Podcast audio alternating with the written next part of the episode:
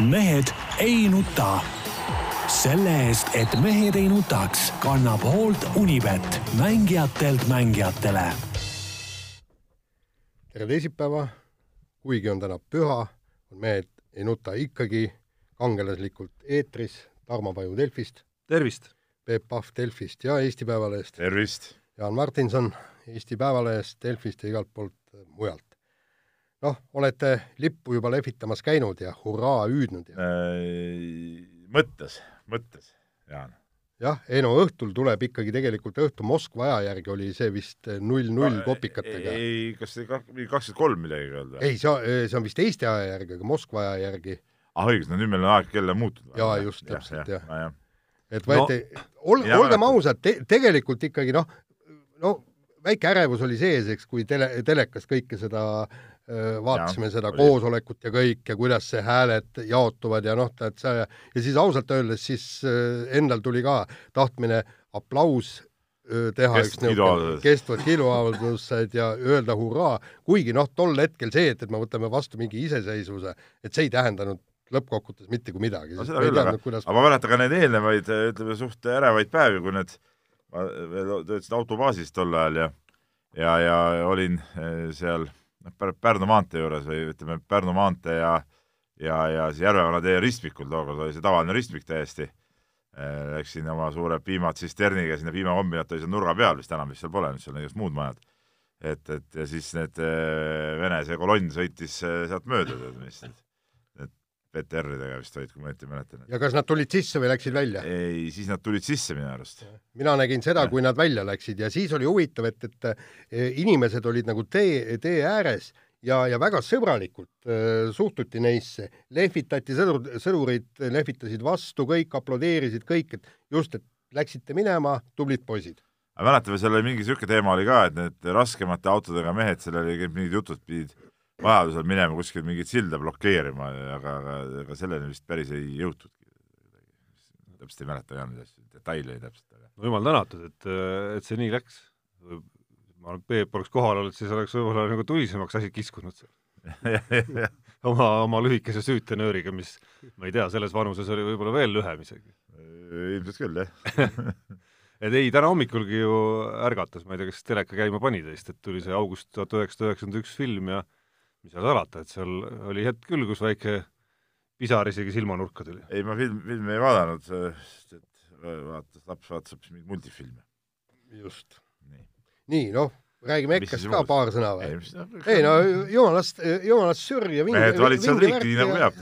absoluutselt. no mis tähendab... mõttes nagu peab? kui, kui nüüd nagu, ma mõtlesin, mis suunas see jutt meil täna siin minema hakkab, et, et kui sa ütled, et nagu peab, siis, siis, siis ei, sa peaksid tegelikult suhteliselt pettunud olema, et mingi vabandavad millegi eest. ei, see on küll, seda ma ütlesin, toimub koosolekul. ma ütlesin, et natuke kuidagi nagu pehmeks on läinud, aga aga võib-olla, võib-olla siin on sellised taktikalised mängud, sest et võim on ju ilmselgelt nagu nagu nende käes. teed nagu teo ära, onju, teed, keerad mingi ilge jama kokku, onju, siis selleks, et saaks järgmist jama teha, noh, vahepeal pead vabandama, samm tagasi, eks. aga Peep, muide, mul on kotis, ma pärast äh, annan sulle, mul on äh, endal ka, tähendab, ühesõnaga ma palun sul äh, toimetuse juhi kohalt lahkuda, mul on seal ka, et digiallkirjad all, üks on Tarmo Paju oma ja, ja üks on Meelis Naudi oma, kes kumbki ei puutu küll asjasse, aga ei midagi ette ja ma palun sul kõvem, kõvem, Jaan, oleks ikkagi see, et kui sa no mis, kui kahe paberiga hakkad jändama üks paber. ei, mul ongi. pane siia lihtsalt oma allkiri, ei, mis asi. lihtsalt tühi paber. lihtsalt tühi paber, pane oma allkiri alla siia.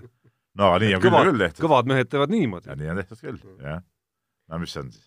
ei, aga ei no aga, aga ei, mis te tahate nüüd öelda, et see äh, härra Vaher on õige mees või? kahtlane kuidas seal ikka kõik need asjad juhtunud on? mul ei ole, Elmar Vaherile tegelikult midagi ette heita. ei no selles suhtes, aga mulle tundub küll, et seal on, aga kuidas see piiriehitus läks kallimaks ja mis see kõik olid need lood nendega, tead? jaa, no fakt on see, fakt on see, et need mehed Elmar Vaherit lahti ei saa lasta. et see tegelikult Jaani paralleel ongi enam-vähem sama. ei, aga tegelikult. meil oli ka Urmo Soonvald oli eile puhkusel ja reedel puhkusel et umbes sama paralleel, mis äh, sel ajal siis mina või Mihkel Tamm, Päevalehe tegevtoimetaja, oleks sinu juurde tulnud paberilehega. ja ma olin, ma olin puhkusel mitte äh, puhkusel, vaid puhkepäeval, eks ole. vahet ei ole et tundub umbes sama, no mis ei no jaa, no sina, Mihkel Tamm oleks, te poleks julgenud isegi tulla, eks ole, vaata Helmed julgesid minna. see on nagu jabur värk ikkagi. no jaa, aga, aga no jupp seal ikka midagi ikka on taga, et, et äh, kahtlased lood. ja kusjuures, kui midagi sellist oleks juhtunud meie toimetuses, ma ei kujuta ette, kuidas me enam-vähem niimoodi žitruusno edasi niimoodi rahulikult. mis, oleksime selle, mul on seal kodus äh, poisi mingid mänguautod ja oleksime pilti teinud ja, ja, ja mis seal ikka siis tead, noh. jaa, aga mulle kogu selle loo juures ikkagi meeldib äh, väga ikkagi Reformierakonna käik, kes andsid teada, et Ratasega, äh, Ratase valitsusse nad mingil juhul ei tule ja nüüd põhimõtteliselt sööge ise oma suppi, onju ja, ja nüüd ongi ratas sel selg vastu seina ja nüüd tõesti, need Helmed saavad teha, mis tahavad, absoluutselt. ei, aga Reformierakond iseenesest on ju ka täitsa auti mänginud. ei, las nad ollagi, las nad ollagi, aga, aga nüüd me hakkame vaatama, mis saab, sellepärast et mis ei, saab, noh? ei no mis ongi? midagi ei saa, no mis, mis, mis siis on, noh, okei okay,, üritasid mingit vaherit kangutada, no näe, mis siis. ei, no tsirkus käib edasi, ei no põhimõtteliselt praegu on ju ilmselgelt võim on ju Helmede käes. selles suhtes ju ju vana Helme ütles õieti nendele eelmistele ministritele, et mul on käed ja jalad järgi koristamisest tööd täis aga, aga igal juhul võim on nüüd täielikult äh, antud üle Helmedele ja, ja nii on. Nad saavad teha täpselt seda, mida ise tahavad. aga kas te siis ei kuulanud, mida ütles Jüri Ratas seal just sama päev, kui see asi tuli, me siin hommikul siin leppisime kokku asjad, mis kakskümmend aastat ei ole suudetud kokku leppida, eks ole, pole suudetud ära teha, nüüd tehti ära aga mis sa, mis sa nurised, Jaan? ei, ei, ma ei nurisegi. kas ma olen nurisenud? ma räägin, et ei, aga ütle, ütle edasi, ei, nii, Tarmo Paju. nendime lihtsalt, nendime, nendime nagu, nagu kõrvaliste vaatlejatena nendime. aga ma nüüd küsin teie käest, härra Paju, kas teie elu viimase poole aasta jooksul läinud kuidagi kehvemaks millegi poolest? ei, vastupidi. sõit tal Lutše sõit tal Vessilei, nagu Vessilei, absoluutselt. täpselt nagu Stalin ütles. särts on nagu elus, eks ole ei tea, mul, mul, äh, mina seda särtsu vist enam ei soovi, aitab küll. oota, aga, aga kas sul on läinud midagi, sa ei vastanud küsimusele, kas minul isiklikult no. ei ole poole aasta jooksul äh, läinud äh, nagu füüsiliselt midagi halvemaks, aga kuidas ma ütlen ütleme, mingist osast meie elust siiski hakkab nagu kõrini saama, aitab küll. oota, aga, aga, aga kellel on see halvemaks läinud? Kellel on halvemaks läinud või? ma arvan, äh, väga paljudel inimestel samamoodi hakkab kõrini saama. ei, mis kõrini kas elu on läinud kuskilt vaatast halvemaks? mis tähendab, elu füüsiliselt ei ole halvemaks läinud. no siis ei olegi mingit probleemi ju. jah, kusjuures no, Peep me räägime poolest aastast ainult, millest ja. Äh, tüübid on pool aastat puhkusel olnud. kuule, asi läheb üha paremaks, näiteks meie sporditoimetuse eh, kolleegidel on, sünnivad lapsed, eks, iive nagu kasvab, kohe sünnib veel üks laps, eks, ja, ja, ja, ja on, kõik, ma arvan, et see on isegi, et see on isegi, eh, ongi uue valitsuse teene selles Just. mõttes, et kui muidu läheb üheksa kuud selle jaoks, selle protsessi jaoks, siis selle nii. valitsuse all käivad need asjad isegi kiiremini. vaata, Tarmo, need lapsed eostati lootuses, et asjad lähevad nii. Nii, kuule, räägime nüüd spordist ja läinud nädalavahetusel toimus äh, Eesti kergejõustiku tšempionaat, Peep oli kangelaslikult kohal hommikust õhtuni. jaa, ja ma ütlen nii, et käimist küll ei, ei ma läinud vaatama. ma pidin olema toimetuses, mul oli seal tegemist muid no asju. ma võin öelda, ma kangelaslikult äh, laupäeval eriti vaatasin isegi telekas. see ei nõudnud mingit kangelaslikkust, sest et äh, väga huvitavad Eesti meistrivõistlused olid ja ma olin väga rahul ausalt öeldes äh,. no nii ja naa. kahe päeva võistlusega. mina näiteks äh, noh, nii ja naa, väga ei ole. head, kes sa kergejõustikust mitte midagi aru ei saa sinu see rahulolu nagu ei puutugi üldse asjasse. hakkame nüüd sealt pihta, et mille üle sa rahul olid? selle üle, et näiteks Xenia Balta ei täitnud eh, MM-normi, selle üle olid ma olin rahul? selle üle rahul, et olid eh, mõned täitsa huvitavad võistlused. ei no võistlused on küll, aga, aga kogu see mäng ju toimus ikkagi pisikeses liivakastis, aga aga me vaatamegi asju oma, oma selle nii-öelda omas maailmas, noh, et, et me, mis me peame tahtsid, et äh, võrdleme tulemusi nüüd teemat liiga etappidega? ei, miks, miks no., miks seda, noh? mis sa siis tahtsid? no ma oleks näiteks tahtnud, et äh, Gerd Kanter ja Martin Kupper oleks pidanud võitluse vähemalt pidasid, pidasid korraliku võitluse ju. kuuskümmend pluss Kanter, Kanter sai seljavõidu lihtsalt, sest Kupper osutus lihtsalt nii nõrgaks, noh, vaimselt. kusjuures kui me nüüd see oli üks suurepärasemaid või, või huvitavamaid äh, hetki. kui me nüüd kuskilt otsast pihta hakkame nagu päriselt, on ju, siis, siis ma arvan, et see oligi seljavõit, et, et me siin nagu siin nagu, Jaan, kui sa siin eile saatsid mõned mõtted saate nii-öelda teemadeks, on ju, siis, siis läks justkui sinna kiiresse vahemängu oli mõeldud niisuguse nagu naljaga pooleks. see nali, et Gerd Kanter enne võistlust pakkus siis Martin Kupperile kihlvedu, et paned oma juuksed panti, oma juuksepahmaka panti või ei pane, et kui kaotad mulle, siis äh, jääd ilma sellest ja Kupper siis ütles ei, on ju. et see võib kõlada nagu naljana, aga tegelikult äh, on see osa ju täiesti tavalisest töötlusest siis ja, ja ma üldse ei välistaks, et see tegelikult natukene nagu panigi mõtlema Kupperit. no kuule, see, mis Kupper koha peal rääkis seal, et noh, et siin on palju võistlusi olnud ja võistlused jalgades, kui see naljajutt, noh. no okei okay,, siis, siis sa heidad kuuekümne kolme asemel kuuskümmend. jaa, aga siis heidad kaks korda sektorist välja, eks ole, no no mis, mis need jala, mis jutt see nüüd on, no heida, võta rahulikult siis, no sa, sul on teada, et sul on, eks ole, viimane katse võimalik, noh, rahulikult oleks ju paigad kaitstud ära selle, et, et saada, saada ju kaheksa hulka, aga ei, noh. et see see et mina arvan, et see udimine oli ikka koos, ja, ja, et, et Kanter tegi ikka päris hea lükke tegelikult, et et noh, meie tasemel on see no mitte, ma ei, mitte et me kergejõustiklased oleksime, aga mis, mis iganes ala me teeme, niisugune lõõpimine on kuskil seal äh, nii-öelda õlleliigades ju tavaline, on ju, golfiväljakul kas või, on ju, enne mingit lööki, et kuule, ära nüüd eksi, on ju. jah, aga, aga, aga tegelikult on kogu see protsess on ju tegelikult kurb, sellepärast et Kupper on üks nendest, kes läheb MM-ile ja, ja kui palju te nüüd loodate Martin Kupperile? no mina olümpianeljas. no olümpianeljas küll, aga seda olümpianeljanda koha järel ta ei ole sellist taset eh, enam näidanud, et mina ütlen nii, et Kupperi jaoks oleks suurepärane, kui ta suudaks kaheteist hulka MM-il.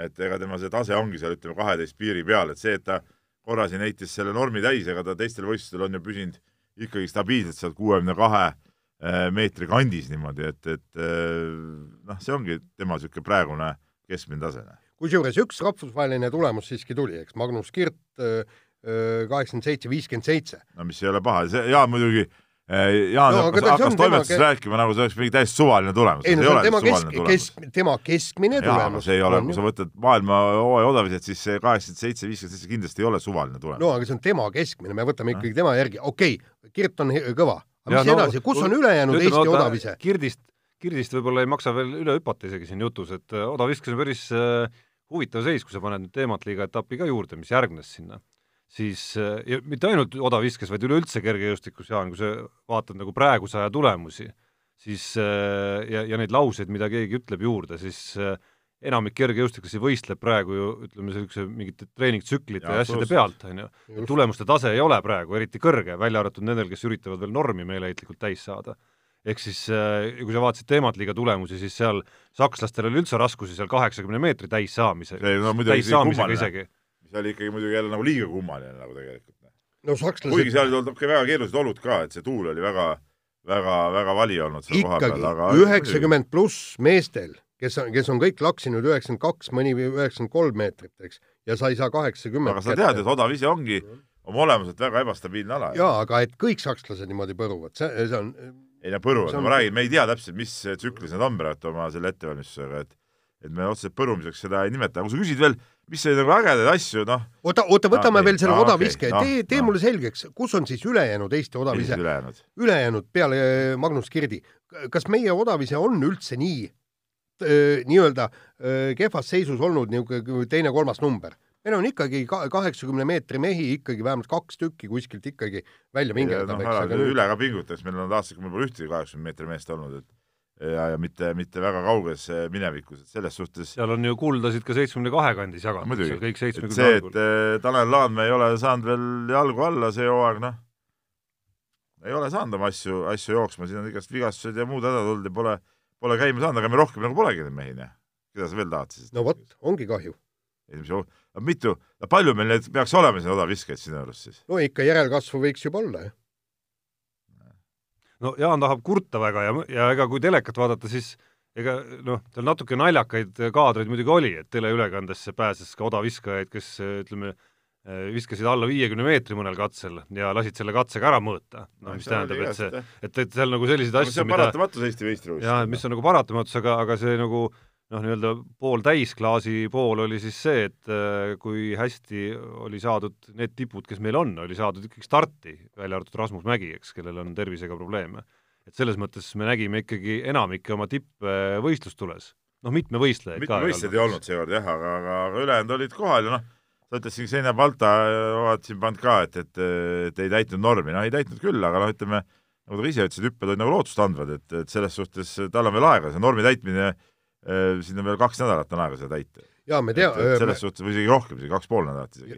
et, et äh, siin nagu mingit väga suurt häirekella veel, veel lüüa ei saa ja ikkagi ma tuleksin nagu positiivsete asjade juurde, eks no. ole, äh, mis olid nagu sellised huvitavad, palju oli selliseid huvitavaid duelle, huvitavaid võistlusi, noh, et, et ja mul endal nagu võib-olla kõige vägevama mulje jättis tegelikult võib-olla noh, ütleme tulemuste poolest jah, seal ei olnudki võib-olla midagi, Kaur Kivistikku kolm, kolm kulda. väga vinged, eriti see esimese päeva kõigepealt kolm tuhat takistust, noh, tema jaoks läbi sörkides kuldmedal, poolteist tundi hiljem tuhandes viiesajas meetris tõmmata kõigile müts pähe ja päev hiljem veel kaheksasajas meetris, noh, väga, väga, väga vägev, noh, et, et niisugused äh, niisuguseid hetki ja, ja momente oli seal muidugi, oli nagu veel tegelikult. ja aga, aga, aga kõige selle juures on, on kahe... näiteks võtame naiste kaugushüppe, seesama naiste kaugushüppe. Xenia Balta jah, võidutulemus polnud nüüd noh, ütleme kuus, mis ta oli, kuus viiskümmend kolm, kolm, eks ole. aga kui ma õigesti mäletan, viis naist üle kuue meetri. noh, mis on siis paha või? ei, ta on, ta on väga hea, aga, aga selge see Eesti, Eesti mõistes see on, see on väga kõva, noh. meeste kuul tegelikult äh, täitsa ei, ei näe üldse halb välja praegu, kui meil on Kristo Kaleta näol olemas mees, kes on maailma tipule lähemal ilmselt, kui, kui me Eesti ammu oleme kedagi näinud. Noh. ja, ja siis veel kaks noort meest, kes visk- või kes tõukavad üle kaheksateistkümne meetri. jaa, et selles pole, pole ka paha, noh, ja, ja, ja muidugi Ekaterina see Mirotovõrtseva, eks ole, noh, käimises see, kuidas ta me meestele ka ära tegi, ise on kuueteistaastane tüdruk, nagu sealt, kui kui nüüd äh, nii-öelda külm ära ei võta, siis, äh, siis sealt äh, võiks ikka midagi tulla. jah, aga, aga jällegi, eks temal ole isegi nii-öelda olümpianormini või MM-normini, seal on ikka minna ja ei, minna ta ju ei ole ju, mis, mis olümpia või MM-normini minna. Ta ei ole veel neid distantse ju käinudki ju. Jaa, ei, ei ole jah, aga, aga ütleme niimoodi, et me, me ei saa veel tal on mingi olümpianormi minna, ta ei üritagi seda olümpianormi praegu ju. ma räägin sulle, et me ei saa praegu kaugele ulatuvaid järeldusi teha ja, ja Kaur Kivistiku kohta ütlen, et tõesti väga vinged jooksud, aga kahetsusväärne on see, et, et tal ei ole isegi MM-normi täis. ja no, nüüd, esi, esimesena joone all vist praegu, jah? jah, aga, ja ma kujutan ette, et, et ta on võimeline tõesti väga hästi jooksma, vaata et finaaligi, aga, aga kõigepealt tuleb see norm täis joosta, eks. et see, see näitab tegelikult see meie äh, kergejõustiku noh, probleeme ei no probleem mitte probleem, aga ma ütlen, et koha pealt vaadata oli, oli, mulle nagu meeldis, oli, oli päris äh, eriti esimene päev oli nagu, oli nagu sihuke mõnus, mõnus võistlus oli. aga seda, Jaan, jah, ma ütlen sinusugust, kes asja ei jaga, muidugi ei suuda nagu sellest aru saada. nii, hüppame uue saate osa peale. kiire vahemäng ja alustame korvpalliga. Rain Veidemann on kodus tagasi, hurraa, Rakvere Tarvas ja hakkab nüüd meeskonda viima, ma ei tea, kas Eesti tšempionaadi medaliteni või? No, no tõenäosus on... ilmselt ei ole väga suur, et ta hooaja lõpuni Rakvere Tarvas mängib. ühest küljest muidugi on nagu noh, nagu tore, ütleme niimoodi, et mees läheb oma kodukandi meeskonda, ta on ju Haljalast pärit ja ja sealt tema karjäär justkui nagu lendu tõusis Eesti korvpalli taevas, aga teisest küljest ma ei saaks öelda, et ma oleksin rõõmust lakke hüpanud selle uudise peale, et et kuidagi kahju on, et, et kõik need aastad tal lähevad, lootus justkui on olnud kogu aeg seal Itaalias kuidagi nagu teha mingeid samme edasi, aga, aga need sammud pigem tulevad nagu tagasi ikkagi. nojah, aga ma saan aru, olles ta endaga ka rääkinud, et sealt ikka mingeid pakkumisi ja asju nagu oli, aga, aga ütleme, päris niisugust sobivat eh, varianti vist praegu ei tekkinud ja, ja ma olen täiesti kindel, et ta läheb poole hooaja pealt, eh, läheb ikkagi kuhugi ära jälle, et seal tekivad alati mingid hetked, kus hakatakse võistkondades mängijaid vahetama, noh, Euroopas see on, see on teada-tuntud trend, eks ole, seal, seal kuskil november-detsembri algus, et, et nii nagu ta eelmine aasta Raplaski läks. aga see, et ta nii kaua mängib äh, Tarvas, on minu arust ka nagu lahe, et, et et annab sellele satsile ka niisugust äh, atraktiivsust äh, kindlasti juurde, et, et võib-olla tänavune kodune korvpallihooaeg tõotabki tulla isegi päris huvitav, ma vaatan. päris palju on selliseid äh, komplekteerimist siis jah, on päris no, lahedaid päris asju. palju on tulnud tagasi Eestisse selliseid äh, noh, mitte just võib-olla nagu esimese klassi välisklubides mängivaid äh, mängumehi. ja, ja, ja nii vanemas eas kui ka nooremaid tegelikult. ja väga huvitavalt on jaotud nagu mängijad ka laiali, noh, võtame kas sama see, ütleme hooaja alguseski, ütleme, kui Veidemann on Tarvas, Tanel Sokk näiteks Tallinna Kalevis tagaliinis, ka väga huvitav variant, no ütleme, võtame Tartus nüüd, Robert Valge läks sinna, eks ole, juurde, jälle väga lahe, noh, Raplal on siin äh, ilmselt on nüüd tulemas äh, mõned, mõned Eesti niisugused, Eesti mõistes Eesti koondise piiri peal või koondise mehed juurde, et äh, ei, väga, väga, väga huvitav minu arust. no rääkimata, mis me Kalev Cramost oleme siin rääkinud, eks ole, et, et aga, aga just, et need nii-öelda lihtsurelike klubid ka, et et seda, selle hooaja äh, tsempionaati tasub nagu oodata ja, ja igast huvitavaid noormängijaid on ka nagu leidnud, leidnud tee meistriliigasse, et selles suhtes äh, on, on väga lahe. vahetame teemat, läheme jalgpalli juurde. Nõmme Kalju jalgpallur Peeter Klein ütles pärast eurokaotust Luksemburgi klubile Tudelange saame täitsa mängida ja ka suurte klubide vastu hakkama. eks nad saidki tegelikult mängida ju. Noh, tervikuna nad ju said ju murdsid sealt läbi esimesest eh, ringist seal eh, selles meistrite liiga sarjas, eks ole. jaa, aga, aga just see jutt, et suurte klubide vastu saame hakkama, kui me ei, ei suuda Tuudelantsil noh, isegi kõigutada, ma ei, ma ei räägi siin mitte võitmisest, aga me ei suuda teda isegi kõigutada no, ja, ja kui no, me jah, nüüd hakkame jälle sa plähmerdad nagu ei no kas nagu..., kas sa tahad öelda, et Tudelants on suur klubi või? Tudelants mängis minu arust, kas ta eelmine aasta Just... eelmine aasta mängis põhiturniiril, eks ole, Euroopa no, liigas. ei no aga Luksemburgi jalgpall, Jaan, ei ole kindlasti ei, mingi nagu see... naljanumber. ei no kuulge, me, me ja, räägime ikka minu arust see klubi mängib ka hoopis ju seal, kus ta mängib? Šveitsi meistrivõistlustel või? no igatahes mitte Luksemburgi. ja, ja, ja ta mängib Šveitsi mingis, mingis ja. madalamas liigas see, ja, ja teine asi on see, et, et kui sa, kui sa lugesid, siis eelmise aastaga võrreldes on see klubi kolm korda ta ja, sammu okay. tagasi astunud. ei, ei, ta pole tagasi astunud, vaid ta on uh, suured muutused läbi teinud. no just selles tagasi ma, astunud. ma ütlengi suured muutused, seal ja, ei ole neid satse. ja kuulge, kuulge, täpselt nii kaua, kui me võtame endale äh, nii-öelda mõttesse, et Tuudelants on suur klubi siis, siis unustage ära see Eesti jalgpalli tuleviku tõus. sul on õigus nii palju, et suurklubi ta loomulikult ei ole, suurklubi on Glasgow Celtic näiteks meie mõistes. Ja nende just... vastu loomulikult äh, noh, tegelikult ei suudetud mängida no,. Udelansi ole... vastu pigem suudeti ja, ja tegelikult kordusmängus selle hetkeni, kus saadi see õnnetu punane kaart. domineeriti täielikult. domineeriti, aga kus on väravad, ega selle järgi ju sul punkte ei anta, et sa do domineerid ei, loomulikult ei anta, aga jah, sul on nii palju õigus ainult, et suur, suur klubi see loomulikult ei olnud. ja, ja Kalju kokkuvõttes, kokkuvõttes loomulikult raiskas oma noh, suurepärase võimaluse ära, milleks oleks tulnud ületada ennast päris mitu korda, ükskord suudeti seda esimeses ringis, aga lisaks oleks tulnud kaks korda veel seda teha, aga noh, no ei ole Nõmme Kaljul tegelikult ju sellel hooajal seda päris sellist mängu, kodune meistriliiga, kodune see, liiga näitab sama ju. see esim-, meistriga esimese ringi võit oli ikkagi päris kõva ju see oli kindlasti suurem klubi, kui, kui nad ise on. jaa, aga see ei ole suur klubi. mis asi suur klubi no,? Celtic ei ole ka, no Celtic on poolsuur, no just, noh, sellega ongi. Jaan, no tule mõistusele, no tõepoolest no,. ütleme niimoodi, et, et me ei, me ei suutnud keskmist, me suutsime keskmiste klubide vastu mingisugusel ajahetkel sammu pidada. nii oleks termin õige olnud.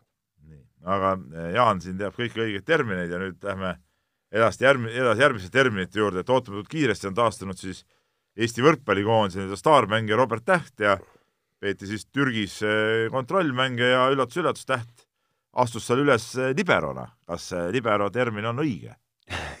no ilmselt on õige. on jah? jah aga, aga kus see libero eh, varem nagu tegutses, võrkpallis vanasti polnud, kus olid vanasti no vot, see ongi küsimus ja mikspärast on plokipuude, plokk on öö, lisapuude, miks saab? Plokk peaks olema esimene puude, sealt tõsta üles, täpselt. aga, aga tahtsin ka noori kuulajad harida, et libero oli vanasti ikka puhas jalgpallur ju. et jalgpalluris oli kaitses oli alati üks mees oli libero. jah, viimane mees. viimane mees, ta oli nüüd vaba, tema vaba või kaitse. vaba kaitse võis igal pool liikuda. aga see on ka vaba kaitse. aga kus, kus tänapäeval, mis tänapäeval jalgpallis enam liberosid pole?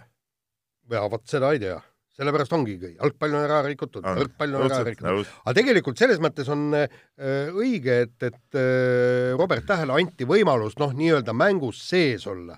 ilmselt ta oma positsioonil ei, ei oleks praegu just hüpata väga ei saa sealt ära tõuket teha, jah. just, aga, aga ta sai vähemalt seal mängus sees olla ja aga tema taastumine tõepoolest on üllatavalt kiired.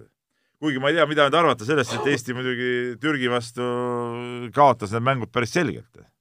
no viimane on viiki, jah viimase mängis viiki. jaa, viimane ja kaks, aga kaks esimest olid ju ikkagi selged kaotused. no ei tea, ei oska praeguses faasis midagi arvata, eriti kui ei näe neid mänge. muidugi ei tea, mida nad seal kontrollisid, mida seal proovisid, eks ole. jah, aga teine asi on see, et, et kui see, sul ei ole Robert Tähte ja sul ei ole tippvormis Oliver Vennot. ei no sul ei ole mis tippvormis, sul ei ole mingis vormis. ei, ei, ma mõtlen, et Venno on olnud ka platsil, aga kui ta on kehvas vormis, ega temast suurt kasu ei ole. me räägime ikkagi, et, et tõesti, Eesti on tugev siis. platsil ei, mitte, mitte praegu, vaid eelmisel, eelmisel no. aastal. mäletad, kui tal seal särgi alt, et mingid rasvad välja rippusid, eks et, et kui Eesti tahab väga hästi mängida, siis on vaja Robert Tähte, on vaja öö, no, väga heas vormis. ma arvan, et Venno... ilma heas vormis Oliver Vennota võib ka Eesti midagi saavutada, kui on olemas tähed ja on heas vormis Rene Teppan näiteks. just, täpselt. et, et sealt seda probleemi ei näe, aga ilma aga..., ilma täheta, ilma heas vormis täheta muidugi läheks väga raskeks, tema no,, tema küll ei ole asendatav. no asendamatu no ma mõtlen nagu nii-öelda tahta nagu mängida oma aja, ajaloo kõige parem turniir Eesti koondisel. nii, aga võtame järgmise teema ja Eesti spordiaasta kallim üleminek, mitte spordiajaloo vist ilmselt. Rein Pilli viimaste aastate võistlushobune Alfons Ra müüdi Brasiilia tipptakistussõitjale maha ja kuuekohalise summa eest, tegelikult see kuuekohaline, see väga ei ütle, et see võib olla sada tuhat, see võib olla üheksasada. üheksa tuhat üheksasada üheksakümmend üheksa. just täpselt, et, et aga, aga jällegi, jällegi ma olen täna vingumise lainel et see, see näitabki kogu seda Eesti ratsutamise probleemi ja millest ma kirjutasin juba tegelikult vist oli üheksakümnendatel ja, ja ilmselt oli kas, kas Pilliga või kellega, ma ei mäleta äh,, rääkisin ja küsisin, millised on Eesti võimalused ratsutamisel olümpiale jõuda ja olümpial võidelda medali eest. Ja vastus oli null võimalust. ja põhjus oligi see, kui meil tuleb üks hea hobune, siis tehakse talle kindlasti pakkumine ja me oleme sunnitud selle ära müüma. Ja, ja seal toodi näitena, mäletan, oli Iirimaa ratsutaja, kes oli ka, ta oli täiesti niimoodi, et, et võib olümpial medali võtta ja, ja lihtsalt laoti viis miljonit eurot hobuse eest lauale ja lihtsalt laiutas käsi, ütles, et ma ei saa seda summat vastu võtmata jätta. kõik, punkt. mitte mingit äh, olümpialootust ega medalilootust. ja, ja, ja nii ongi.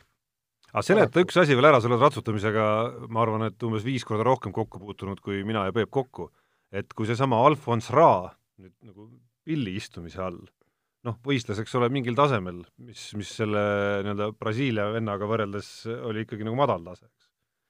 et kas Alfons Ra nüüd uue mehe all teeb mingisuguse hoopis teise hüppe või? no Pill ju rääkis, et ütles, et nii-öelda viie tärni võistlustel õnnestus tal võistelda tõesti ainult Soomes, sellepärast et ta ei pääse peale. vot seal ongi niimoodi huvitav, hobune hüppab, aga mehe järgi pannakse asju paika ja, ja, ja aga nüüd äh, brasiillasega hakkab see hobune võistlema pidevalt viie tärni võistlustel ja selge see, eks, et, et seal on takistused kõrgemad, seal on keerulisemad, noh, seal on konkurents teine. eks siis saab näha, et kuidas ta seal ko kohaneb, selge see, et, et kui ta lahjadel võistlustel on harjunud hüppama, üks kord on siis sinna viie tärni võistlustele läheb, noh, hobune ka ehmub. no aga nüüd ma usun, Peep, et Eesti spordiajakirjandus hakkab jälgima siis samamoodi nagu ma ei tea, Ragnar Klavanit Cagliaris hakatakse jälgima, kuidas Alfons Raal ikkagi läheb. no ma arvan, et me ei hakka seda jälgima. ei no mis mõttes, meie, see on ju meie oma Eesti hobune. ei no seda küll, aga hobune ei saa ju tiitlit. saab ikka, talle pannakse ka mingi pärjak. mingi niljake pannakse sinna külge ja ja, ja ei no ja, ja mingi pärk, rosett jah, rosett jah, rosett, jah, et midagi aga jah, no paraku, paraku see näitabki niimoodi, et, et meie töö on kasvatada häid hobuseid teiste riikide tippsõitjatele aga kiire vahemängu lõpetuseks äh, sõna veel korvpallist, maailmameistrivõistlused on lähenemas, äh, augusti viimastel päevadel need Hiinas algavad ja ütleme siis kolme sorti uudiseid äh, näeme me siin MM-i lähenedes. sort number üks on see, et Euroopa tippkoondised peavad päris huvitavaid kontrollmänge siin, Serbiad ja Kreekad ja kes kõik on päris kõvad rivistused kokku ajanud. sort number kaks on see, et suursoosik USA on jäänud umbes oma noh, pakun umbes neljanda koosseisuga, kuna staarid robu rada pidi on öö, äh, otsustanud, et USA koondise esindamine ikkagi ei ole eriti prioriteetne nende jaoks ja, ja viimase nädala trend siis on äh, sort number kolm, ehk siis äh, on seal Venezuela mängijad vist streikinud ja Aafrikast oli ka veel keegi. Elevandiluuranniku mängijad. ja Nigeeria lubas ka streikima hakata kohe. Hakkame otsast pihta, need igast streikivad Nigeeriad, elevandiluurannikud, on nad seal MM-il või ei ole mul neist täiesti ükspuha. jaa, aga kui nad üldse kohale ei no, tule. siis no. võtame siit Euroopas normaalselt satsi peale ja võiks olla niimoodi. aga see selleks, aga, aga see ei ole üldse nagu mingi teema. aga millest ma aru ei saa muidugi, on need, need kuradi USA mingisugused Ameerika tontlikud staarmängijad, noh. no üks... seal aru saada, see ei koti lihtsalt. no kuule, kuidas ei koti oma riigi esindamine, noh? mis, mis sind üldse kotib siis? no ei koti. kuule no., ja siis mõned on veel siuksed mehed, kes oli viimati, see Fox või? mis oli, oli vist või? Ehm, sai neli minutit mängida, siis kohe leidis, et ai, mul on nüüd vaja minna öö, oma klubi juurde seal hooajaks valmistuma, tead noh. no mine metsa, noh, sa, sa oled täielik debiilmängija ju. kusjuures äh, täielik idioot ju, noh. kusjuures see on kõik seda veidram, et USA koondist äh, juhendab nii legendaarne treener. et juba sellepärast, et see mees, et Greg Popovitš on seal, võiks nagu äh, kogemuse mõttes selle suve no, ette võtta. aga noh, kui siukse, kui sa tõesti oled niisugune, niisugune vedelpüks, et sa et sulle ei sobi, sa oled niisugune staar, eks ole, et okei okay,, sa said seal vähem mängida, sa oled koondises seal võib-olla vaata peeglisse, tead, ära, et sa olid kehva olnud trennides, kehva olnud mängus võib-olla, tead, sellepärast saad nii vähe mängida, tead. ja siis, oi, ma nüüd lähen minema, noh, mis käid kuu peale. ja need suured staarid ka, tead, kui te olete ikka mehed, siis te tulete, mängite oma koondise eest ja ongi kõik, see raha on kühvetatakse küll kokku, et nüüd võiks nagu riigile ka midagi anda. aga noh, aga mingu need ameeriklased ka kuu peale, tähendab, mina ootan MM-i küll põnevusega ja, ja just, just mind huvitavad kõik need Euroopa satsid ja, ja see ongi nagu, ongi nagu äge Peep, kuule, ma olen täiesti sa ükspäev hakkasid, Jaan, sa hakkasid ei, ei, oot, oot, oot, ei, ma olen absoluutselt sinu poolt. ma, ei, vastupidi, ma olen täiesti aha, sinu poolt. ma aplodeerin sellele, kuidas sa need ameeriklased äh, siin paika panid. Eestil ei ole niisugust probleemi, meil on alati kõik parimad, täpselt kohal kõik, mitte mingit probleemi ei ole. kõik, keda kutsutakse, jooksuga tulevad koondisse, on ju nii? ei no siin on teine asi, vaata mõnedel Eesti meestel, kui on need valikmängud, olid seal klubimängud samal ajal, ameeriklased ei ole praegu klubimänge aga kas kõikidel olid klubimängud või? kes ei tulnud? ja mis siis on tähtsam, kas, kas klubi või koondis? no koondis on ikka kõige tähtsam no, asi. selge no,, siis tulgu koondis. praktikas me näeme, et aina vähem on see koondis kõige tähtsam. aga miks eurooplaste jaoks on tähtis, vaata, eurooplased, kõik need tippmängijad on ju sisuliselt kohal ju noh jah, noh, nendel on see nii-öelda kultuur juba noorteklassidest alates. muidugi, aga see on kõigi nagu kultuur. ega ameeriklased ei olegi päris inimesed ju noh, noh, nad ongi nagu oma, elavad mingis omas kuradi mullis seal tead. kusjuures, kusjuures äh, kas siin väike, kusjuures väike vastuolu. ainuke asi, oota, ma ütlen, muidu ma tahaks, et ameeriklased põruks täielikult seal, aga Popovitši pärast ma jälle ei taha seda, sellest, sellest nagu kahju ei, kusjuures ma arvan, et äh, pigem USA koondis muutubki nagu sümpaatsemaks, sest äh, noh, põhimõtteliselt peaaegu ilma staarideta koondis. nojah, ei ma ütlen, muidu ma tahaks, et need staaride koondis ka, et nad saaks tappa. aga mis puudutab patriootlikkust, siis äh, kõik, kes Ameerikas, äh, USA-s on käinud, nagu tajuvad ju seda, et nagu nii-öelda nagu tavainimese tasemel see patriootlikkus ja USA lippude presenteerimine ja kõik on ju nagu hoopis teisel tasemel, mis äh, noh, peaaegu ükskõik millises Euroopa riigis. ei kuule, kuule, Eestist ikka oluliselt kõvemal tasemel. kuule, isegi mitte tavainimese tasemel, kõik mängud ju öö, algavad sellega, et, et tõmmatakse masti Ameerika lipp ja, ja lauldakse Ameerika hümni ja seal on öö, vahepauside ajal lauldakse ju patriootlikke, vähemalt pesapallis, patriootlikke laule ja kõik nad trummeldavad ju rinda, et me oleme ameeriklased, me kõik ei no koduaedades ja igal pool, noh, see on no, just. lippude hulk on ju hoopis, hoopis teine, mida me näeme siin, ükskõik mis asulasse sa lähed, on ju. aga noh, kuskilt otsast saab see nagu otsa ikkagi nagu näha. nii, nüüd tuleb õige kõll valida. Unibetis saab tasuta vaadata aastas enam kui viiekümne tuhande mängu otseülekannet. seda isegi mobiilis ja tahvelarvutis. Unibet, mängijatelt mängijatele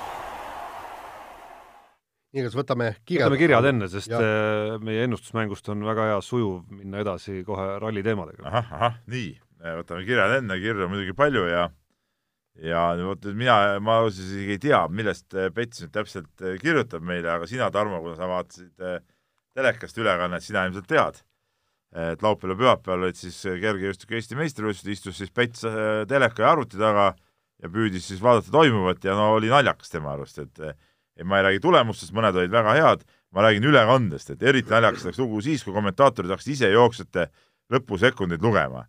palju siis tegelikult on see kulu, mis võimaldaks tuua ekraanile aja ja tulemuste eh, näitamise reaalajas, mis meil ei olnudki siis, kell ei jooksnud ekraani peal aegade, jooksuaegal. no ei, no, ei küsimus ei olnud ju ekraanis, küsimus eriti esimesel võistluspäeval oli ju ka staadionis ju. no oli ka staadionis jah, et ega see pärast saadi see ikka käima. see kella puudumine ekraanil algaski sellest, et seda ei olnud ka staadionil ei no mis see selles mõttes, et inimene finišeerib ja aeg ei lähe kinni. ei seda küll, aga no kas meil ekraani peal siis nagu, no mina ei tea, ma olen mõnikord elus telekast kergejõustikuvõistlusi vaadanud, seal all on ju see aeg jookseb, kas meil nagu no, jookseb? ei jookse, jah. mida sa vaatad? no ma ka ei tea. oma stopperiga istud esimesel seal. päeval ma ei olnud sellega ise seotud, eks ole, selle ülekandega, aga esimesel päeval minu arust nagu lonkas see nii staadionil kui ekraanil, teisel päeval oli graafikat oluliselt rohkem, nagu teleülekandes ja no niisugust ülekannet pole tehagi minu arust. et tunnen kaasa kõigile, aga, aga siit nagu soovitus muidugi, ärge passige seal teleka ees, vaid tulge staadionisse, et eh, staadionil tasus tulla küll. nii äh,, kirjutab meile siis Kalle ja, ja Kalle kirjutab jälle äh, huvitava kirja, tere mehed, et Eesti kõigi aegade edukam e-sportlane Clement Ivanov mängib praegu Hiinas ulmelisel kolmekümne kolme miljoni dollari suuruses auhinnafondiga e-turniiril et võitja võistkond saab auhinnaks üle viieteist miljoni dollari. võistkonda kuulub neli mängijat ja treener. mehed, mida kuradit teeb treener e-spordis? ja miks ta ise ei mängi no, no mis seal siis ma, ma, ei, ma, ma ei ütlen, üldse ette ei, ma ei tahaks üldse, ma vaatan, ma ütlen kohe ära, tähendab, et tegelikult see, see kirja sisu ei sobi siia saatesse tegelikult. no maletajatel on ka treener. sest et äh, see ei ole üldse sport. ja teine asi on ju see, et, et ikkagi äh, minu meelest on kindlasti seal treenerit vaja, kas või sellepärast, et kõrvalt inimene näeb kindlasti rohkem. et, et äh, igaüks, kes mängib, tema mängib ju noh, ta ei vaata seda laia pilti, eks. keegi peab ju taktika paika panema ja, ja, ja, ja no Jaan, sa räägid nii, nagu see oleks mingi tõsine asi. ta ei ole tõsine. tõsine või mitte, aga noh, samamoodi on seal taktika, maletmängid on taktika no,, isegi kui sa, isegi kui sa lähed ukakat, kuule, isegi kui sa ukakat lähed mängima, isegi küll. siis on sul no, nagu valida natukene, kuidas minna, eks ole. ukakas on päris sport. kuhu sa peidad ennast, millal sa nina Ukaka välja pistad. MM oleks päris huvitav, näiteks. aga see on mingi täielik äh, lollus ju, noh mis no..., kust see raha sinna tuleb, ma ei saa sellest aru, kust see kuradi raha Kuule, sinna tuleb? seal on viiskümmend tuhat inimest on aga mida nad seal, aga mida nad seal no, vaatavad, mida nad seal vaatavad no,? ekraani pealt, kuidas mängitakse. üks on see viiskümmend tuhat, kes on sul koha peal ja teine on need miljonid, kümned miljonid või sajad miljonid, kes on sul veel ekraani taga kuskil üle maailma. sealt see raha tulebki. nojah, aga see on niisugune täielik debiilsus, see on täielik lollus. no miks peaks niisugust asja vaatama? no õige küsimus. ega sa ei olegi sihtrühm. ei no mis ma ei olegi sihtrühm ja siis vaatan kergejõustikueestikutel, noh, istuvad ikka needsamad vanad inimesed tribüüni peal, noori oli vähe. Kusi... noored on hukas täiesti. kuule, kusjuures see nutindus on ikkagi täitsa üle mõistuse läinud. ah, seal, oota, oota, ma segan vahele eh,. siis eh, miks see muuseas need eh,, see elektroonika ei töötanud eriti hästi seal kergejõustikus, oli see, et siis tehti mingi nutirakendus.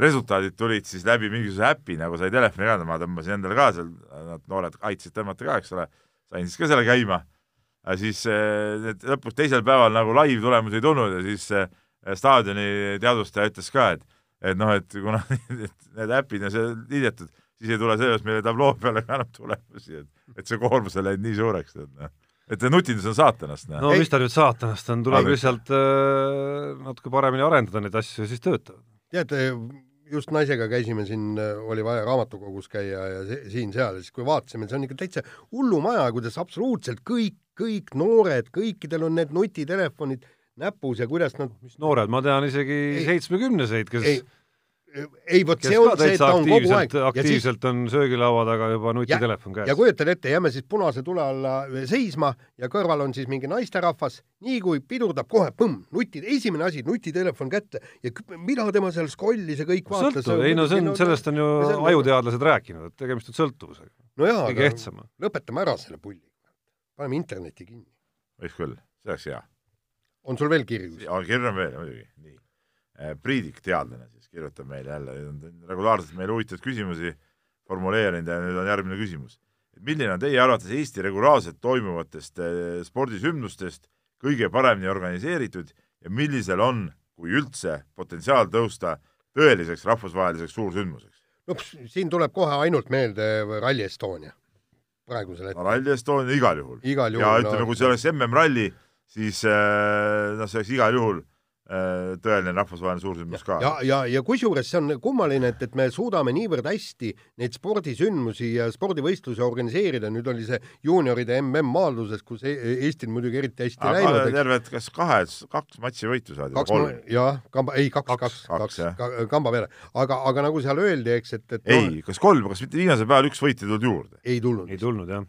Karelson võitis ühe ja üks äh, tüdruk võitis, tüdruk võitis teise võitis aga noor reporter Roosa mulle rääkis midagi, et näe, üks matš võit tuli veel, võib-olla tajas sassi midagi. kuule, ja, ja kusjuures muidugi tunnustati seda, et, et see oli ülihästi organiseeritud ja siis tehti ettepanek, et Eestile võiks anda rohkem neid maadlusvõistlusi.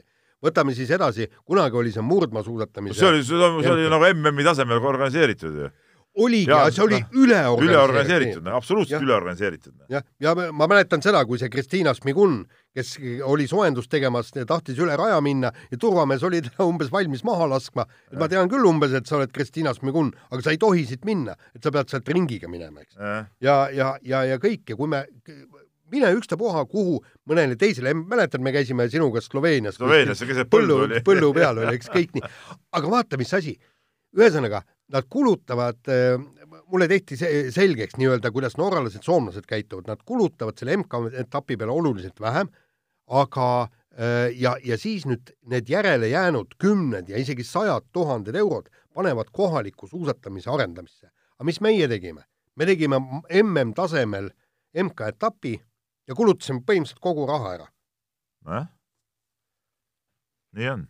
nii, oota, ma vaatan kiiresti, siin oli üks kiri oli veel nii, aa, siin on veel kergejõustikust oli ka üks küsimus, ma võib-olla te panite tähele, kaugushüppekast jäi minust, ütleme, ajakirjanike kohast natuke eemale.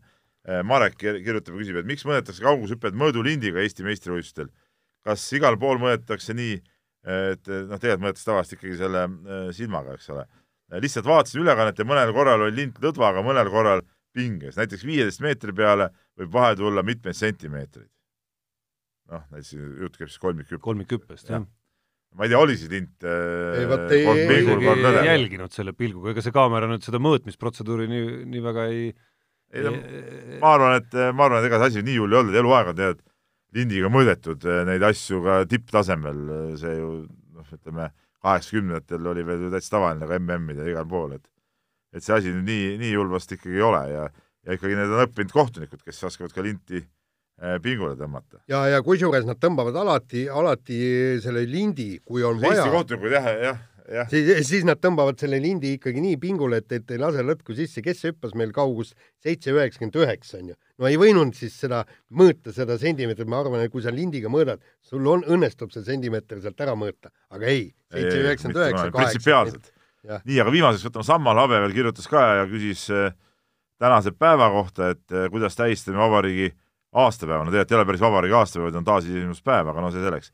et kas pärast meie kõigi presidendi kõnet eh, hea toidu ja sauna lubate enne sellega väikse aperatiivi või teete sel päeval hoopis ise ühed korralikud sportlikud tulemused? operatiiv, no ma kahtlustan, et siin ikka operatiivi peale läheb rõhk. Eh, no ma olen tööl kõigepealt. ei no väike maius, ma arvan. väike maius jaa, ma, ma pean, ma olen kõigepealt, ma pean muidugi äh,, olen tööl, siis mul on trenn, siis ma tulen uuesti tööle tagasi ja siis, kui ma jõuan koju, siis teate, tahan tõesti sauna ka teha veel. ja siis võtan ühe õlle sinna juurde. ühe ainult? no, no ütleme siis Juhtum. iga, ei, tähendab iga lava pealt tuleku Aa, kohta no, jälle. ja, ja ütleme, õige saun on niisugune seitse korda. no ei, ma, ei no nädal, keset nädalat kolm, kolm ringi võib-olla. jah no,. siis neljas on siis ütleme peale, ütleme niisugust nagu neljas õlu tuleb siis nagu ütleme puhkad operatiiviks. see on nagu see päris aperatiiv noh, mul on siiamaani väga töine päev olnud, mul on siin igas printimist olnud, siis käisin ostsin see printimine on väga töine. ei, ei, see on, sellepärast printer on kogu aeg meil siin nässus ja kõik nii, aga tegelikult ma käisin, ostsin oma öö, uue muruniiduki, see tuleb nüüd ah, elektrilise või, või ei, ei, mootoriga? mootoriga, jah. ja, ja siis ostsin seal veel, mul oli noh vedru selle roboti, kes nagu ise, et seal nagu just, just veel kurtsid, et sul on äh, niitmistempo on nagu langenud viimastel aastatel ja et eh, äkki see robot siis teeks asja ära? ei, ei, nad ta ei tee, mul on see küllaltki künklik see maa, aga siis ma lähen, siis mul on vaja mingit kuradi tomatimaja veel kohendada seal ja no ühesõnaga. no milles, milles see on mees mässinud ennast ikka? tegemist on. aga, aga kui nüüd hüpata Unibeti, meie toetaja ennustusmängu juurde, siis eh, noh, Peep no mina vaikin, see nädal mina vaikin. see nädal sina vaikid või? mina, mina vaikin. minuga juhtus. räägime, Tarmo, parem sinu nendest eileõhtustest äh, ponnistustest, mis lõppesid fiaskoga, nagu ma aru sain äh,. Jaa, et, et läksin ka viimases hädas ikkagi nagu mingit tulemust kirja saama. Aga... Nagu, vaat see on ikka nagu viimasel katsel lähed nagu panema. kusjuures ma panin superpanuse, läksin äh, live-panust panema, Kaia Kanepi mängis tennist parasjagu, oli kaotusseisus. ja enne seda vihmapausi koefitsient oli tal nelja kandis kuskil, no oli näha, et ta oli võitmas seda teist setti ikkagi, et mäng on minemas otsustavasse setti. Äh, panin äh, raha tema peale, panused jõudsid juba võrdsustuda ja tuli vihmapaus. ma veel mõtlesin korra, et teeks nagu tasanduspanuse ka, et panen selle vastase peale ka mingi summa, et siis igal juhul on nullis vähemalt. aga noh, siis mõtlesin, et las ta jääda ja hommikul näen no ütleme niimoodi. mäng läks edasi pärast vihmapausi ja, ja Kaia kaotas vist kõik neli geimi, mis seal veel mängida oli. no minu vaikimise põhjus on see, et, et vist kas kaheksa või üheksa viimast ennustust, kõik niisugune, kui, kui sealt vaatan minu ennustused, kõik, kõik on niisugune punane rida, punane rida ja annab ikka scroll ida, kui esimese rohelise aga ei ole, ei ole seda oskust. ei ole oskust, jah aga Peep sujuvalt suutis muidugi enda pealt tule eemale juhtida. mis see selle nädala küsimus on siis? selle nädala küsimus on töös praegu Unibeti koefitsientide meistrite käes, aga see puudutab eelseisvat Saksamaa rallit, mille peale ongi hea meil nii-öelda loogilise jätkuna edasi minna ja see panuse mõte, mis sinna sisse sai antud, räägib Ott Tänaku võidust, aga mitte lihtsalt võidust, vaid võidust, mis peab tulema vähemalt kolmekümne sekundilise eduga järgnevate ees. et kuidas, et vot ku, kuidas sellele koefitsienti panna. eelmisel aastal edu oli kolmkümmend üheksa sekundit. jah. no see on niisugune fifty-fifty jah, väga raske. no ütleme niimoodi, et huvitav, kas seal äh, kihlveokontor arvestab ka Martinsoni koefitsienti selle asja juures, sellepärast et Saksa kohale läheb Jaan, kes ei ole see aasta võitnud ühtegi rallit. põhimõtteliselt viimane võit, mida ma olen näinud, oligi ju aasta Saksamaa ralli, aasta tagasi Saksamaal, jah ja. Et noh, kui sa võtad äh, lihtsalt võidukoefitsiendi, siis on see üks koma kaheksa, mis noh, tähendab sisuliselt siis nagu fifty-fifty't enam-vähem mm -hmm. ümmarguselt. aga et äh, võita ka kolmekümne sekundiga järgnevaid, noh, selle eest võiks koefitsiendi ikka juba oluliselt kõrgemaks sättida. et vääriks võib-olla siis sõltuvalt sellest numbrist täitsa mõtlemist aga, aga, aga kas seal saab nii-öelda vastu, vastukoefitsient on ka, et kui ta ei võida kolmekümne sekundiga? Ma arvan, et see tuleb ainult ühtepidi siiski. no vot. okei okay,, aga räägime asjast sujuvalt no.. Jaani koefitsient hakkab tööle või no, või, või on Ott Tänak nii kõva praegu ja, ja Toyota ka nii korda saanud, et isegi Jaan Martinson ei suuda väärata midagi? no ütleme niimoodi, et, et saab näha, mis, mis seal toimuma hakkab, et väga põnev ralli muidugi, kui, kui, kui sa kuuled igalt poolt, et Ogier ütles, et, et nüüd tuleb, nüüd on see aeg, kus ma peaksin nüüd äh, natukene äh, punkte tagasi võitma Ott Tänakult, Ott Tänak on kaks viimast Saksamaa rallit äh, võitnud äh,. no vaatasin just seda, et, et kuidas see ralli tänavu toimub, seal on väga huvitav, on see, et, et äh, nad sõidavad äh, Äh, tankodroomi katsed on laupäeva pärastlõunal. Äh, et siis äh, seal sisuliselt pärastlõunal põhimõtteliselt laupäeva õhtu pannakse asjad paika? pannakse asjad, kuigi, kuigi jääb veel kaheksakümmend kilomeetrit pühapäeval sõita. küll jah, aga noh ja siis, ja siis ma vaatasin, seal oli siis ühesõnaga selgitati, räägiti kõikidest nendest katsetest, mis on seal probleemid, särgid, värgid, eks kõik nii, ja siis seal ju, juures olid need videoklipid, kus äh, sõitjad olid ikka seal äh, ütleme, neid viinamarja istandusi maha võtnud seal meetrite kaupa ja ka Ott Tänak on seal vigu teinud ja eksinud. Onno Vill on ju kas mitte legendaarse vea teinud seal, rullinud seal korralikult mööda istandusi. jaa, absoluutselt, siis eelmine aasta, vist oli eelmine aasta, kui äh, Sebastian Ogier sõitis lihtsalt seal tanko, tankodroomil vastu äh, Panzerplatsel, sõitis vastu betoonplokki, et vot nüüd see on see, mis äh, takistab võib-olla kindlalt eh, Ott Tänaku peale suurt panust ja kogu oma maja ja, ja raha panema. samas ütleme, eh, tegemist on ikkagi nagu asfaldiralliga, kuigi ta nagu natuke spetsiifilisem asfalt. Eh, Tänaku eelis on see, et saab esimesele rajale minna, mis on asfaldirallil ikkagi nagu pluss. jaa, ei seda küll, aga, aga vaata, seal hakkavadki mängima näiteks teine läbimine, kui sa, kui ah, seal jah, küll, aga, aga ütleme, esimesel läbimisel on tal ikkagi, reedel on tal ikkagi teatud eelised seal olemas. on ja, ja vot nüüd jällegi ma ei oska öelda, eks ma lähen kohale, eks ma uurin, äh, väidetavalt siis Ott Tänak äh, tuleb täiesti uue autoga, selles mõttes, et et, et äh, selle autoga ta ja, ei ole seda on igal pool räägitud. just, aga, aga, aga ma, vot seda ma tean, et on, eks, aga ma ei tea, kas, kuivõrd see nüüd pluss on Ott Tänakule. seal ei ole mingit vahet. no ilmselt ikkagi võib-olla natukene no on. ei ole seal mingit vahet, siis need autod võetakse iga kord sisuliselt lahti. jaa, ei, võetakse küll, aga, aga no mingisugusel, no mingisugusel põhjusel ta ikkagi sõidab ja ja no eks, eks me vaatame, mis, mida need teised teevad ja, ja, ja tegelikult Ott Tänakul on väga suur võimalus ju vastupidi, oma vahet veelgi kasvatada, kui ta võidab ja, ja vastastel probleeme tekib.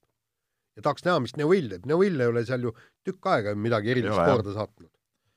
aga Neuvilli seis on üldse suht, suht habras, et, et nagu ikka ma ütlen, et Ožeer on ainuke konkurent, et nii ongi jälle. no just aga räägime ka ralli ilmas räägitavast Tanis Ordo ümber kõige värskemad kõlakad, mille järgi mees on äh, saamas aina hinnatumaks meheks töötajate turul. ütleme niimoodi, et ehk siis Tommy Mäkinen äh, on jahtimas teda. ütleme niimoodi, et kui Toyota fännina, noh, eks ma peaksin ka olema Toyota fänn, see on täielik aplaus praegu sellele vähemalt jutule, et me tahame Tanis Ordot ma, äh, tuua. ma vaatasin tema tulemusi, siksib oma neljandad-viiendad kohad kogu aeg ära, aeg-ajalt poodiumile, vähemalt jah. selle ära, eks. okei okay,, ta eksib ka, seal on ka probleeme olnud, eks võib-olla autoga ja kõik nii, aga, aga, aga nii kindlat sõidumeest äh, teist ei ole. väike miinus on see, et ta ei löö kaasa kõikidel rallidel. ma ei tea, kas see on miinus või ei ole. ei no see, no kui teda tahetakse selle tingimusel, siis järelikult äh, selleks on ka sellega on ka arvestatud, noh, et, et seda miinuseks nagu lugeda ilmselt ei saa, noh. et ta ise ei taha lihtsalt kõikidel rallidel sõita, aga, aga tiimi jaoks see ei pruugi olla üldse miinus, tiim saab teatud rallidele siis palgata lisaks ju spetsiifilisi sõitjaid. ja, ja et, et Tanis Ordo hakkab nüüd äh, nii-öelda loodetavasti Ott Tänaku äh, tiimikaaslaseks, see on väga hea, aga siis ei tea, kes tuleb veel ka kolmas ja neljas sõitja peaksid seal seal ju räägitakse ka Toyota teisest tiimist, eks ole, üldse, et, et et noh, seal üks mees on muidugi see Jaapani poiss, aga ma arvan, ma ise arvan, et äkki see, äkki Rompera hakkab ka teises tiimis sõitma, siis teatud spetsiifilistel rallidel, kus Ordo ei ole, tuuakse ta esindustiimi, noh, see võib olla ka niisugune, niisugune variant. jah, aga, aga siis peaks keegi olema ka esimeses tiimis ja vot siin ongi nüüd väidetavalt siis Chris Meek on praegu juba Audis, Latvala seis on siia-sinna. ma ei tea, minu arust ma arvan, et see Latvala võib ikkagi jääda sinna. noh, kas sa tiimijuhina võtaksid Latvala või sa võtaksid pigem äh, Craig Priini näiteks? Või sa, või, sa prooviksid vanem Latvala kui Priini. arvad nii, oled sa kindel selles? aga Latvala on ikka mees, kes võib võita. ei, aga kui sul on võima-, võimalus, võimalus võtta näiteks ka Elfin Evans ära tuua. ikkagi Latvala on neist kõigist parem. Latvala on mees, kes võib võita. nojah ma isiklikult ma ei tea, kümme võitu vist tal on või? ei no ei, tal on rohkem võite, aga ei, jah, või, või ei, kümme võitu, rohkem isegi, jah. ja, ja, ja rohkem võite, aga, aga, aga noh, viimati Austraalias ka võitis, aga, aga ütleme niimoodi, see aasta on tal ikkagi väga kesilt läinud. ütleme niimoodi, et, et sõltub hooaja lõpust, kui ta suudab hooaja lõpus näita vaata, seda näitas juba see Soome ralli tegelikult, et vaatamata jämedal eksimusel ja rehvi lõhkumisel ikkagi poodiumil. seda ta kiirus on tal väga no, hea. aga noh, seal tal peabki olema see kiirus, Soome rallist rääkisime siin nojah. et noh, praegu me näeme olukorda, kus oluliselt väiksema arvu rallidega Tanis Ordo on põhimõtteliselt kogunud sama arvu punkte. ei no, ei no ma ei ütlegi, et Latval, hästi Latval ongi see hooaeg ongi, hooaja algus ongi olnud täielik fiasko, noh. ja, ja Sordo loomulikult, aga see olekski võib-olla hea kombo, et Tänak, Latval ja Sordo, noh, miks mitte. nojah. nii, aga vahetame teemat, aga mitte väga kaugele, jääme ralli juurde, Ken Torn jäi siis äh, oma klassis Euroopa meistritiitlist äh, no nagu eriti rajul moel tegelikult ilma no,. jaa et..., ma kohe mõtlesin selle peale nagu Eesti rallimeestel alati. no absoluutselt.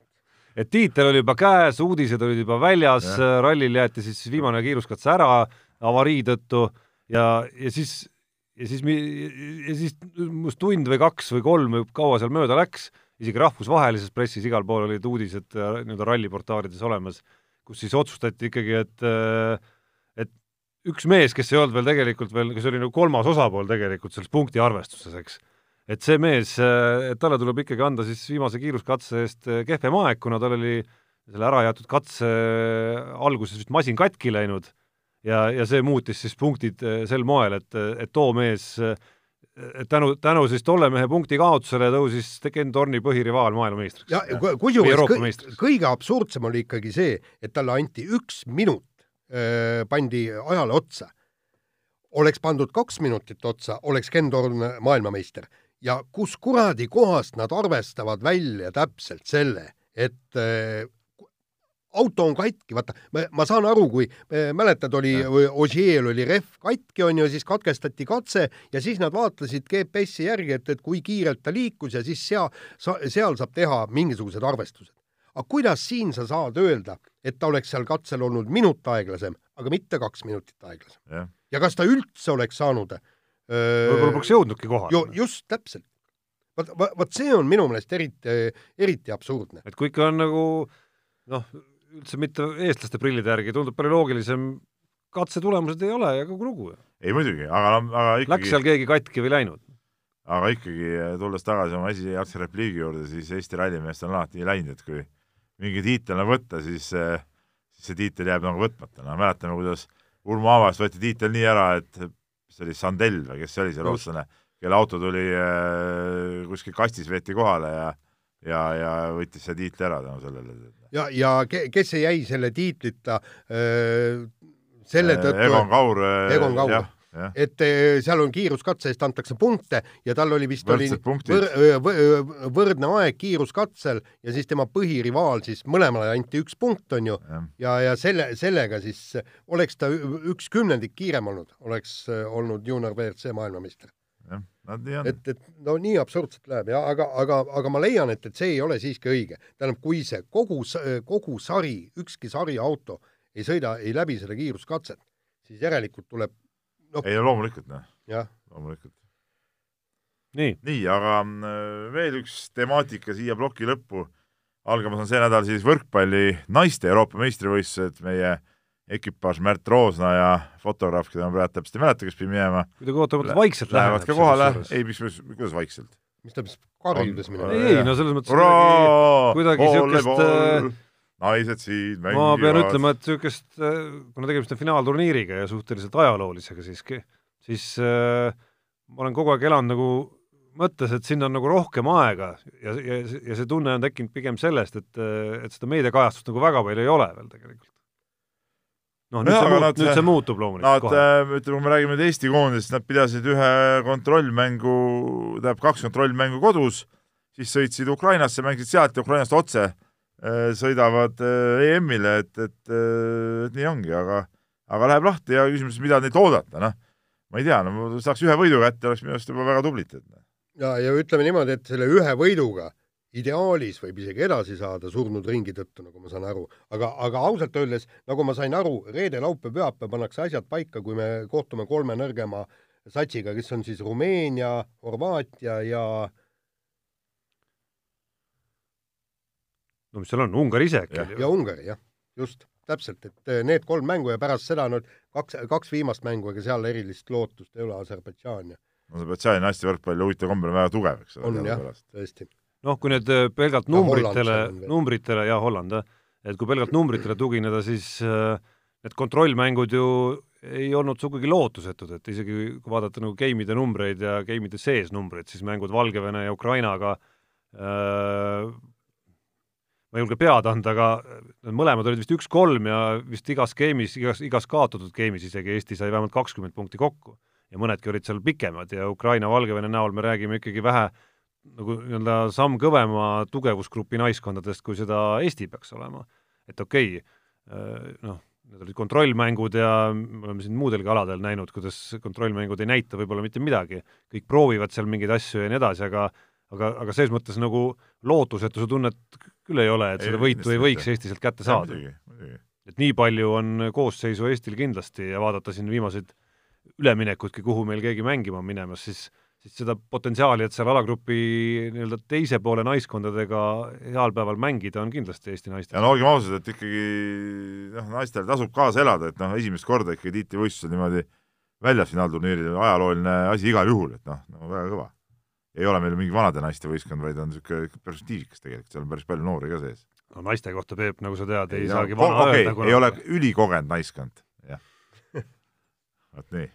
nii, ja paneme nüüd viimase teemaga saate lukku ja mehed, tehke nüüd selgeks, mis toimub selle Eesti korvpallikoondise peatreeneri valiku ümber ja, ja no kaua nad susserdavad, mingit nüüd kuus kuhugi kutsutakse, bikiinivoor tuleb, kas me teeme otseülekande sellest või, või mida nad peavad seal näitama? tegeleda nende otseülekannete asjadega, kas me teeme siis või ei tee? no võiks ju teha ju. Vaba... bikiini, Peep, ma luban, et kui bikiinivoor tuleb, siis kas või kuskilt akna Uju, ujukate vahel mehed kuskilt aknapraost isegi võtame selle pildi kätte. kuulge, no tulge nüüd taevas appi, kas noh, kas asjad tõesti peavad niimoodi käima, kas maailmas käivad näiteks, näiteks kui New York Knicks või Ameerika korvpallikoondis tahab endale treenerit, siis palub, et davai, et, et kõik, kes tahate, tooge oma CV-d, siis kutsutakse kuus tükki kohale, siis tehakse neile mingi konkurss või mis asja.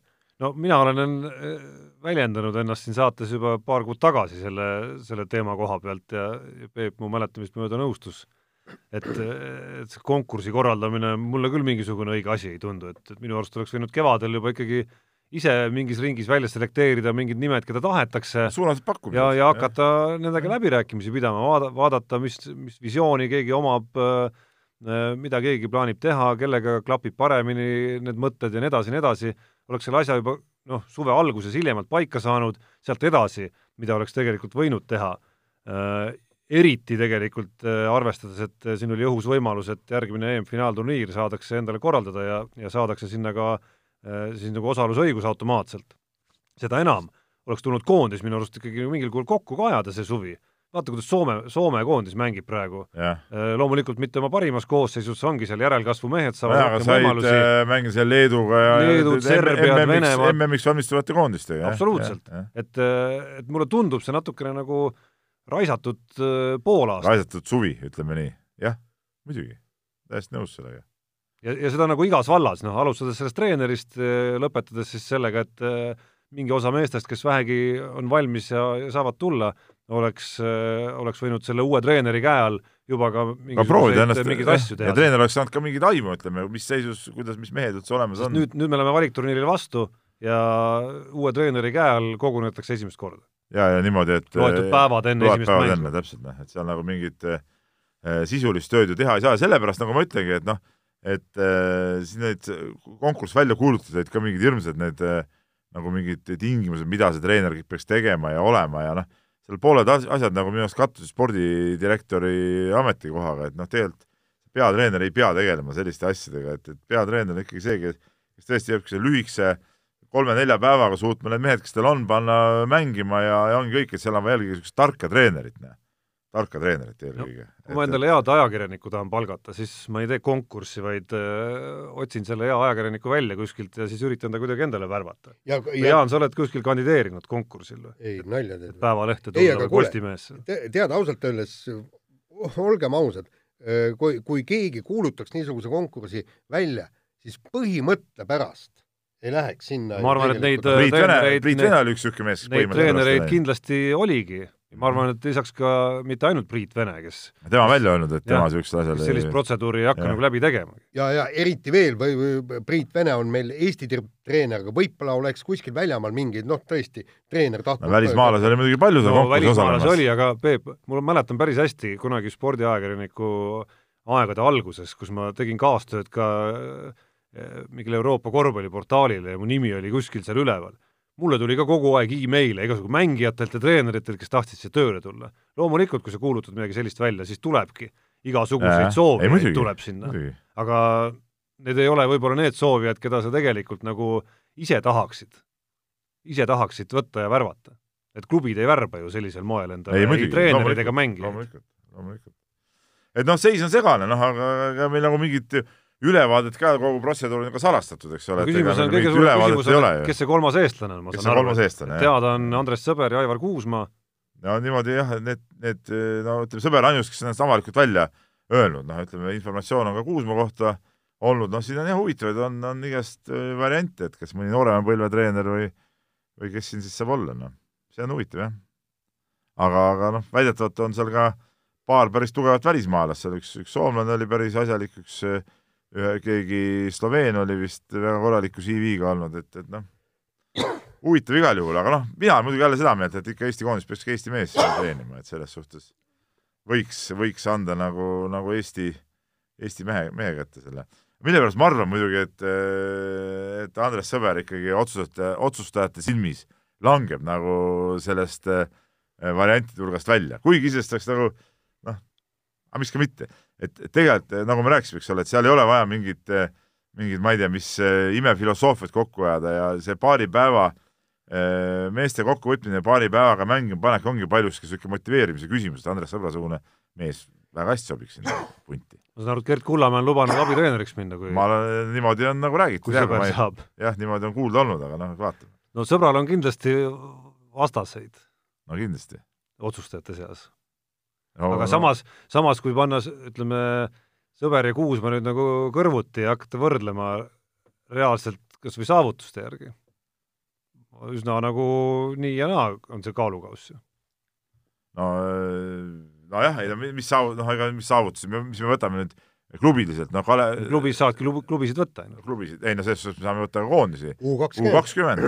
no sõber, sõber, sõber, sõber viis satsi A-divisjoni B-divisjonist noh, Aivar Kuusma see praegu ei õnnestunud, noh et, et aga noh, ma ütlen ainult selle järgi muidugi nüüd ka vaadata ei saa, eks peame ikka mingid, samas teisalt jälle ütleme, oleks ju kahju, kui Aivar Kuusma äh, lõplikult korvpallis isegi kaoks või noh, ütleme praegu korvpallis kaoks, et see koondise asi jälle aitaks teda nagu säilitada korvpallil, noh. see on, see on nagu, see on nagu üks asi, aga noh, kas, kas selle peale peab niimoodi otseselt koondise asemel mõtlema, nagu, on nagu teine küsimus. ei huvitav igal juhul, aga jah, et, et mingit konkreetset infot meil tegelikult pole selle kohta nii, aga paneme sellega saate lukku ja lähme koju lippumasti tõmbama ja homset lehte tegema. Jaan läheb pakkima, ma saan aru. ma, mina lähen pakkima ja ja kuulake mind nädala pärast ja siis vaatame, kuidas Ott Tänakul on rallil läinud ja mis üldse saab. enne kohtume Ralli stuudios. ennem kohtume Ralli stuudios. nii. mehed ei nuta. saate tõi sinuni Unibet, mängijatelt mängijatele